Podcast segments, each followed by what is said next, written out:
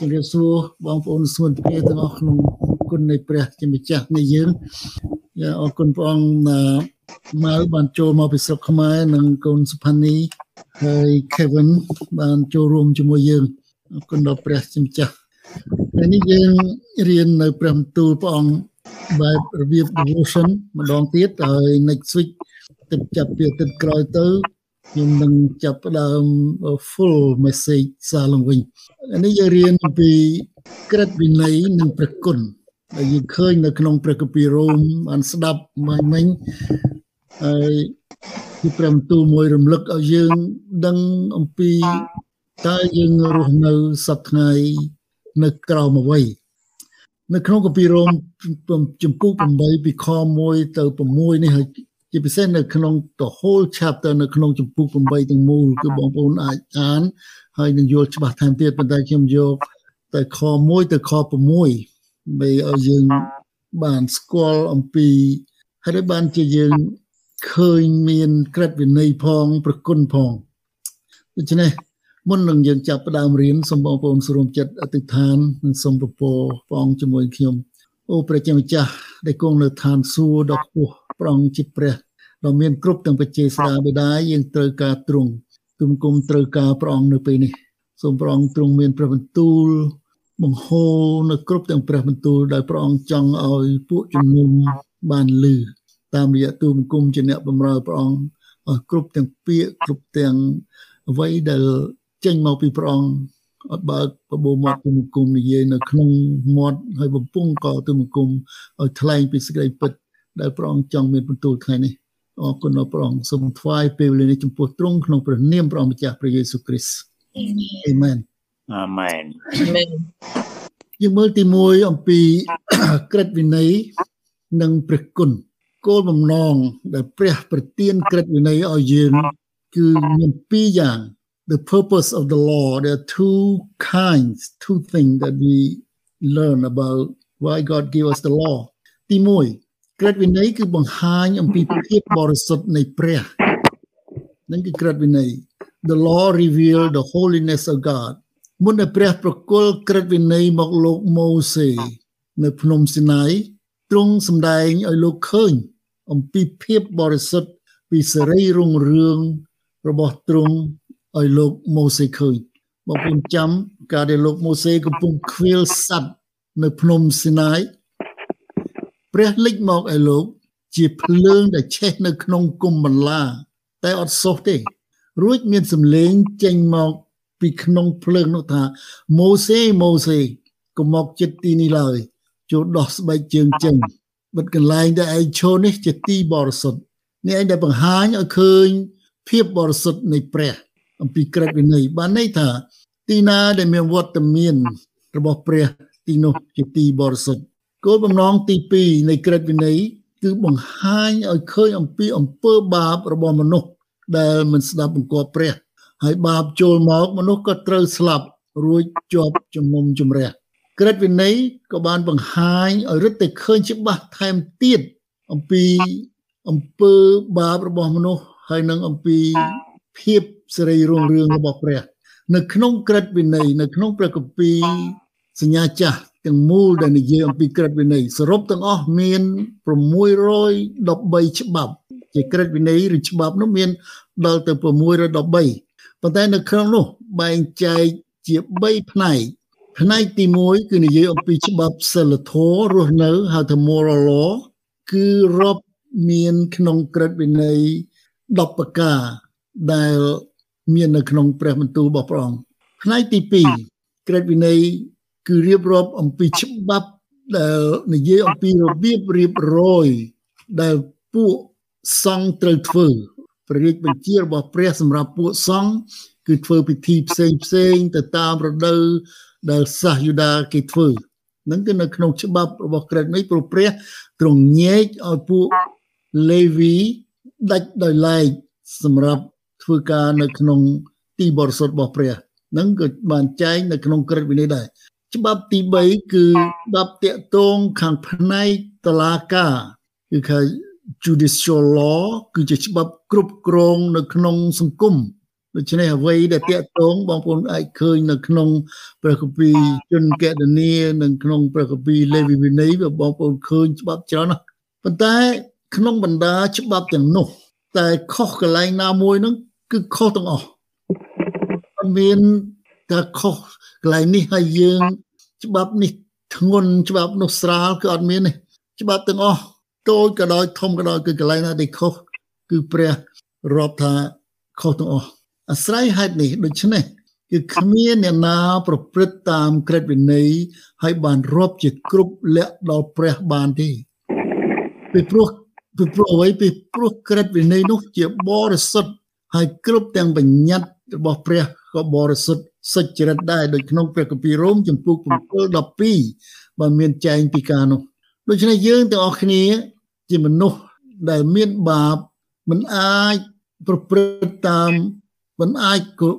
អនុវត្តតាមក្រឹតវិន័យនោះបាននេះពីព្រោះមនុស្សចេះតែធ្វើខុសរាល់ថ្ងៃ មានតែព្រះយេស៊ូវគ្រីស្ទមួយអង្គតែប៉ុណ្ណោះដែលអាចរក្សាក្រឹតវិន័យជំនួសយើងឲ្យយើងបានបរិសុទ្ធ ហើយរាប់ជាសុចរិតចំពោះព្រះបាន ហើយក្រឹតវិន័យមួយទៀតគ្រាន់តែរំលឹកឲ្យដឹងថាលោកអ្នកនិងខ្ញុំមានបាបតែប៉ុណ្ណឹង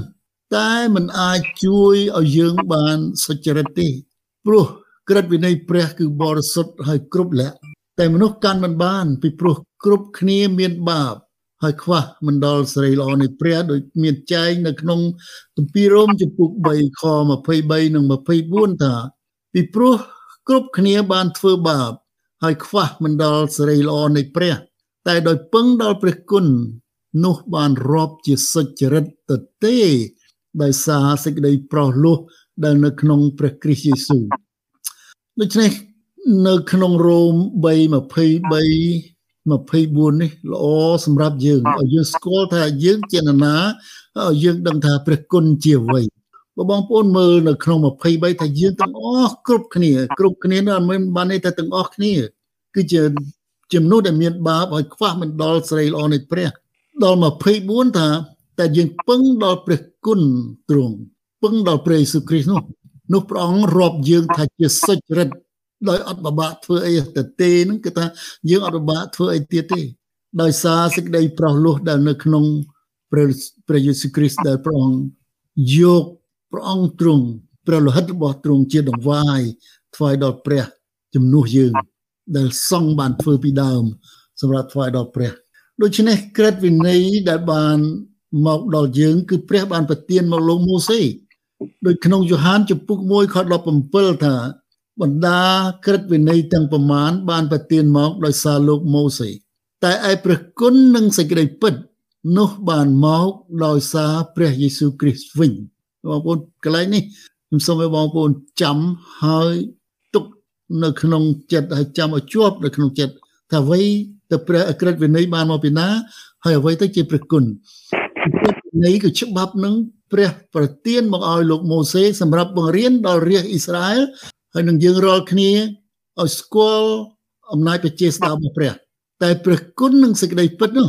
ព្រះគុណនិងសេចក្តីពិតនោះបានមកគឺមកត្មងគឺ គឺបង្ហាញតាមព្រះយេស៊ូវគ្រីស្ទយើងឃើញព្រះគុណនិងសេចក្តីពិតព្រះព្រះយេស៊ូវគ្រីស្ទព្រះអង្គមានបន្ទូលនៅក្នុងគម្ពីរយ៉ូហាន14ថាខ្ញុំជាសេចក្តីពិតហើយជាជីវិតដូច្នេះព្រះគុណដែលយើងកំពុងតែចង់ដឹងសប្តាហ៍នេះតើជាអ្វីតើអ្វីដែលហៅជាព្រះគុណ what is grace ព្រះគុណគឺជាអំណោយទាន ដែលព្រះប្រទានមកឲ្យយើងទៅទេដោយមិនបាច់ខំធ្វើអ្វីទាំងអស់ គឺគ្រាន់តែជឿទុកចិត្តលើព្រះយេស៊ូវគ្រីស្ទនឹងហៅថាព្រះគុណ grace is God unmerited favor which he bestow upon all those who repent and trust in Christ Jesus គឺថាអ្វីដែលលោកអ្នកខំធ្វើហើយបានទទួលកម្រៃនោះមិនហៅជាប្រគុណទេហ្នឹងគឺថ្លៃឈ្នួលទេយើងខំធ្វើការហើយបានទទួលអឺប្រាក់ខែនៅចុងសប្តាហ៍ឬចុងខែ គឺជាប្រាក់ខែមិនជាប្រគុណទេមិនជាគុណទេឯគុណគឺអ្វីដែលលោកអ្នកមិនគួរទទួលហើយនោះហើយបានទទួលវិញនោះបានរាប់ជាប្រគុណគឺជាអំណោយទានដែលមកពីព្រះ grace is a free gift from god នៅក្នុងគម្ពីររ៉ូមជំពូក3ខ10ទៅ12ថាព្រះទ្រង់តូតពីឋានសួគ៌មកហើយមានព្រះបន្ទូលថាគ្មានអ្នកណាសុចរិតសោះ ព្រះមើលពីឋានសួគ៌មកមនុស្សលោកនៅលើផែនដីព្រះអង្គថាគ្មានអ្នកណាសុចរិតសោះសូម្បីតែម្នាក់ក៏គ្មានផងគ្មានអ្នកណាដែលយល់គ្មានអ្នកណាដែលស្វែងរកព្រះទេគ្រប់គ្នាបានបែកចេញហើយត្រឡប់ជាឥតប្រយោជន៍ទាំងអស់គ្នាគ្មានអ្នកណាដែលប្រព្រឹត្តតាមសេចក្តីសប្បុរសតែម្នាក់ក៏គ្មានផងដូច្នេះគ្មានចំពោះមនុស្សហើយនឹងព្រះដែលពេញដោយ the the holy ដែលបរិសុទ្ធដែលមានគ្រប់ទាំងប្រជាស្ដាព្រះអង្គមើលមកយើងគ្មានណាមួយដែលព្រះអង្គរាប់ថាជាសុចរិតហើយដែលស្វែងរកព្រះទេអត់មានទេដូច្នេះព្រះអង្គឲ្យយើងមានសេរីភាពដើម្បីឲ្យរួចអំពីចំណងនៃក្រឹតវិន័យទាំងនោះទាំងអស់នោះ the freedom from the law លោកពូលបានបញ្ជាក់ច្បាស់ថាអ្នកជឿមិននៅក្រោមក្រឹតវិន័យទៀតទេ ចឹងបានឲ្យយើងឃើញនៅក្នុងព្រះគម្ពីររ៉ូមចំពុក8ដែលបានអានអំបញ្ញមិញពីខខ្ញុំយកពីខ2ទៅខ4ថាត្បិតអំណាចរបស់ព្រះវិញ្ញាណនៃជីវិតដែលនៅក្នុងព្រះគ្រីស្ទយេស៊ូវនោះបានប្រោះឲ្យខ្ញុំរួចពីអំណាចរបស់អំពើបាប និងសេចក្តីស្លាប់ពីព្រោះឯការដែលក្រិតវិន័យធ្វើមិនកើតដោយមានសេចក្តីកំសោយព្រោះសាច់ឈាមនោះព្រះទ្រង់ធ្វើបានវិញ ដោយចាត់ព្រះរាជបុត្រាទ្រង់ឲ្យមក មានរូបអង្គបែបដូចជាសាច់ឈាមដែលតែងតែមានបាប ហើយដោយព្រោះអំពើបាបក៏កាត់ទោសអំពើបាបក្នុងសាច់ឈាម ដើម្បីឲ្យសេចក្តីដែលក្រិតវិន័យបង្កប់មក បានសម្រេចនៅក្នុងខ្លួនយើងរាល់គ្នា ដែលមិនដើរតាមសាច់ឈាមគឺដើរតាមព្រះវិញ្ញាណវិញដូច្នេះក្រិតវិន័យច្បាប់បង្គាប់ឲ្យសង់ថ្វាយ យញ្ញបូជាជាឈាមរបស់សត្វដែលឥតខ្ចោះដល់ព្រះមួយឆ្នាំម្ដង ដើម្បីឲ្យមនុស្សបានរួចពីបាបហើយរាល់ឆ្នាំមួយឆ្នាំម្ដងមួយឆ្នាំម្ដងគេធ្វើការនោះប៉ុន្តែនៅក្នុងព្រះគុណដែលក្រឹតវិន័យធ្វើមិនបាននោះព្រះយេស៊ូវគ្រីស្ទព្រះអង្គបានយាងមកជាសាច់ឈាមហើយទទួលរងគ្រប់ទាំងជំនួសអ្វីដែលក្រឹតវិន័យបានធ្វើនោះ នៅក្នុងរូបសាច់របស់ព្រះអង្គជាឈាមរបស់ព្រះដើម្បីឲ្យយើងបានរួចអំពី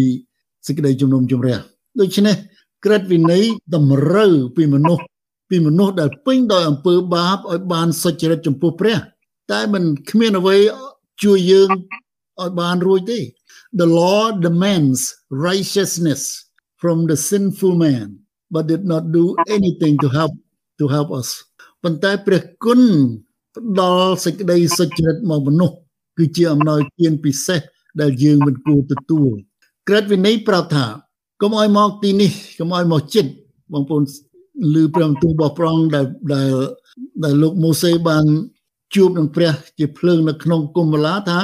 កុំឲ្យមកចិត្តទីនេះហ្នឹងគឺក្នុងក្រឹតវិន័យហើយចូលដោះស្បែកជើងចេញបិទកន្លែងដែលឯងឈរជាដីបរិសុទ្ធនៅពេលដែលលោកម៉ូសេជួបព្រះ នៅក្នុង គុំវឡាដែលភ្លើងឆេះមិនសោះនៅភ្នំស៊ីណាយនោះគឺក្រែកវិន័យថាឲ្យដោះស្បែកជើងនឹងបងប្អូនឲ្យឃើញនៅក្នុងកពីនិខមនឹងចំពុក3ខ5ប៉ុន្តែយើងមើលឃើញនៅខាងប្រគុណវិញ នៅក្នុងប្រគុណពេលដែលកូនពៅបាត់បង់វាទៅចេញទៅបំផ្លាញអស់ទាំងទ្រព្យសម្បត្តិដែលឪពុកចែកឲ្យហើយត្រឡប់មកផ្ទះវិញ ពេលដែលឪពុកឃើញកូនពីចម្ងាយដែលត្រឡប់មកវិញនោះ ឪពុកបានប្រាប់ទៅពួកឈ្នួលពួកអ្នកបម្រើថាចូលយកខោអាវល្អពាក់ចិញ្ចៀនហើយនឹងស្បែកជើងឲ្យកូនអញបិទកូនអញបានបាត់ទៅហើយបានឃើញវិញនេះបងប្អូនយើងមើលក្នុងព្រះគុណថាឲ្យដោះស្បែកជើងព្រោះកន្លែងនេះជាទីបរិសុទ្ធនៅក្នុងក្នុងក្រឹតវិន័យក្នុងក្រឹតវិន័យថាកុំឲ្យដោះស្បែកជើង បិទទីនេះជាទីបរិសុទ្ធក្នុងព្រះគុណថាឲ្យពាក់ស្បែកជើងឲ្យឲ្យល្អព្រោះកូនអញដែលបាត់ហើយបានឃើញវិញដូច្នេះយើងមើលអំពីការខុសគ្នាអំពីប្រក្រឹតវិន័យហើយនិងប្រគុណក្រឹតវិន័យគឺបង្គាប់បញ្ជាហើយបើមនុស្សធ្វើមិនបាន គឺត្រូវមានទោសតែប្រគុណគឺផ្ដល់ឲ្យគឺ ប្រគុណគឺផ្ដល់មកឲ្យយើង ដែលយើងមិនគួរទទួលបងប្អូនពីម្ដងកូនពៅបាត់បង់វាទៅបំផ្លាញអស់ទាំងទ្រព្យសម្បត្តិមិនគួរឲ្យឪពុកនឹងរាប់វាផងណាបើយើងមានកូនដូចគ្នាយើងបង្ហិនបំផ្លាញស៊ីបាយជ្រូកឲ្យបាននឹកឃើញផ្ទះត្រឡប់មកវិញហើយគេថាអានឹងវាសំទៅទៅអញ្ចឹងប៉ុន្តែព្រះនៃយើងព្រះអង្គស្រឡាញ់យើងពេលដែលយើងត្រឡប់មកឲ្យព្រះអង្គវិញព្រះអង្គទ ទួលយើងព្រះអង្គលាសន្ធឹងពហោះរបស់ព្រះអង្គទទួលយើងដោយសេចក្តីស្រឡាញ់អាមែនហើយរាប់យើងថាជាកូនឲ្យយើងពាក់ខោអាវល្អចិញ្ចៀនហើយស្បែកជើងហើយអោបយើង នៅក្នុងសញ្ញាចាស់ពេលព្រះប្រគល់ក្រឹតវិន័យដល់ប្រជាជនអ៊ីសនៅយូដាអ៊ីស្រាអែលនៅភ្នំស្នៃបងប្អូនដឹងយ៉ាងម៉េចនៅពេលដែលក្រឹតវិន័យបានប្រគល់មកដល់នៅដល់ប្រជាជន ពីព្រោះនៅពេលនោះបងប្អូនចាំរឿងពេលដែលលោកម៉ូសេតាំងទៅលើភ្នំ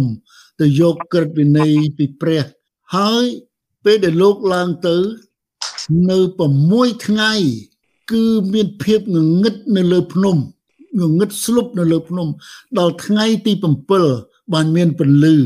បានមានពន្លឺហើយព្រះទ្រង់មានបន្ទូលថាឲ្យឡើងមកឲ្យឡើងមកឲ្យព្រះអង្គដើម្បីនឹងយកក្រឹតវិន័យដែលព្រះនៅបកុលឲ្យ រួចលោកម៉ូសេនៅជាមួយនឹងព្រះអង្គ40យប់40ថ្ងៃ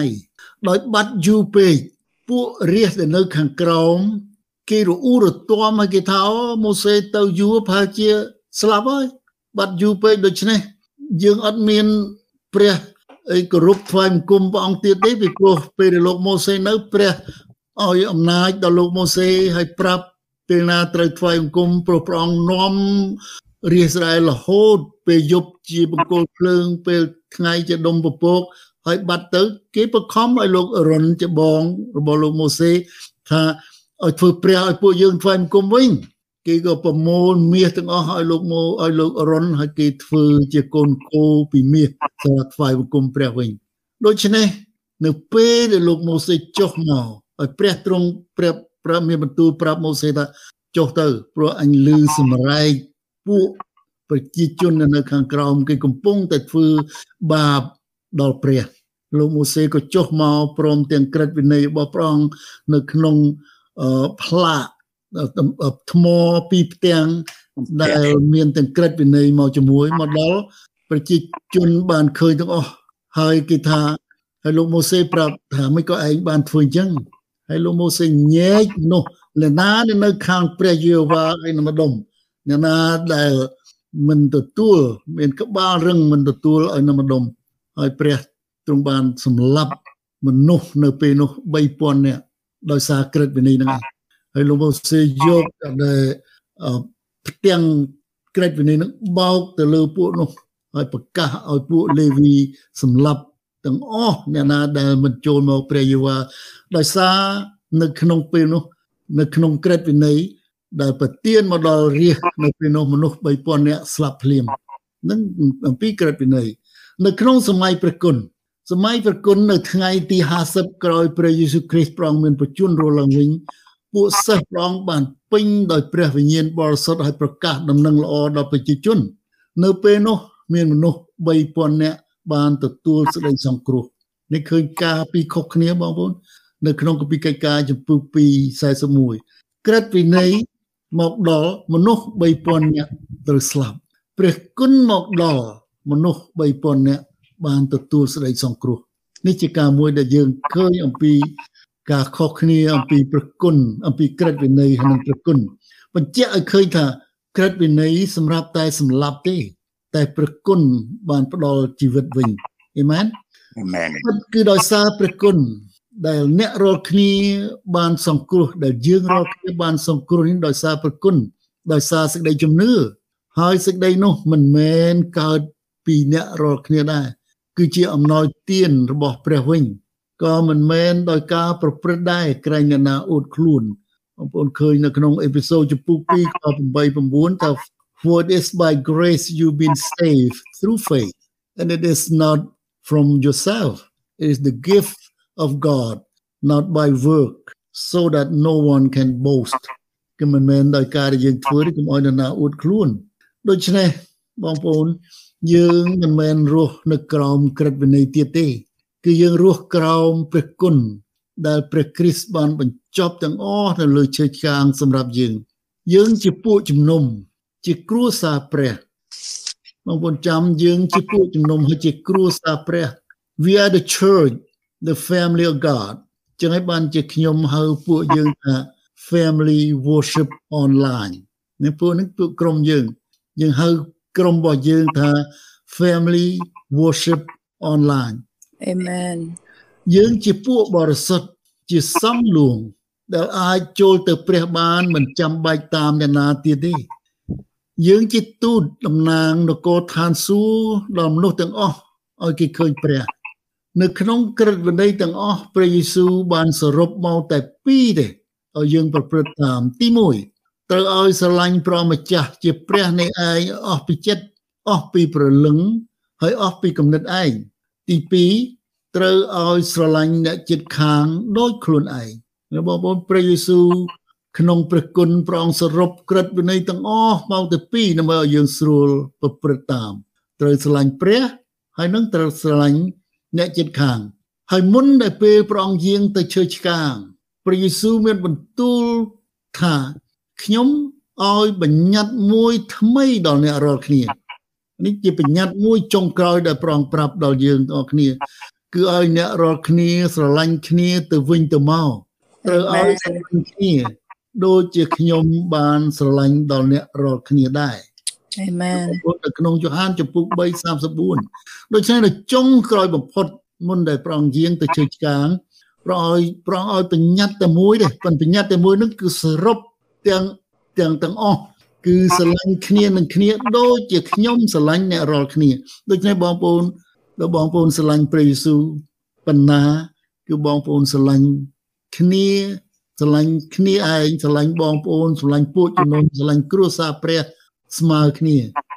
នឹងជាសេចក្តីស្រឡាញ់របស់ព្រះដូច្នេះបងប្អូនស្គនភ្ងាព្រះគ្រីស្ទបានសគត់ជំនួសយើងហើយទ្រង់ចង់ឲ្យយើងចេះរស់នៅជាគ្រួសារព្រះឲ្យយើងស្រឡាញ់គ្នាទៅវិញទៅមកដូចជារូបកាយរបស់ព្រះគ្រីស្ទដែលទ្រង់ជាសេរសាដែលយើងជារូបកាយព្រះអង្គជាសេរសាដូច្នេះទាំងអស់គ្នាជារូបកាយបើកន្លែងរូបក្នុងរូបកាយយើង កន្លែងណាឈឺគឺឈឺទាំងអស់សូម្បីតែ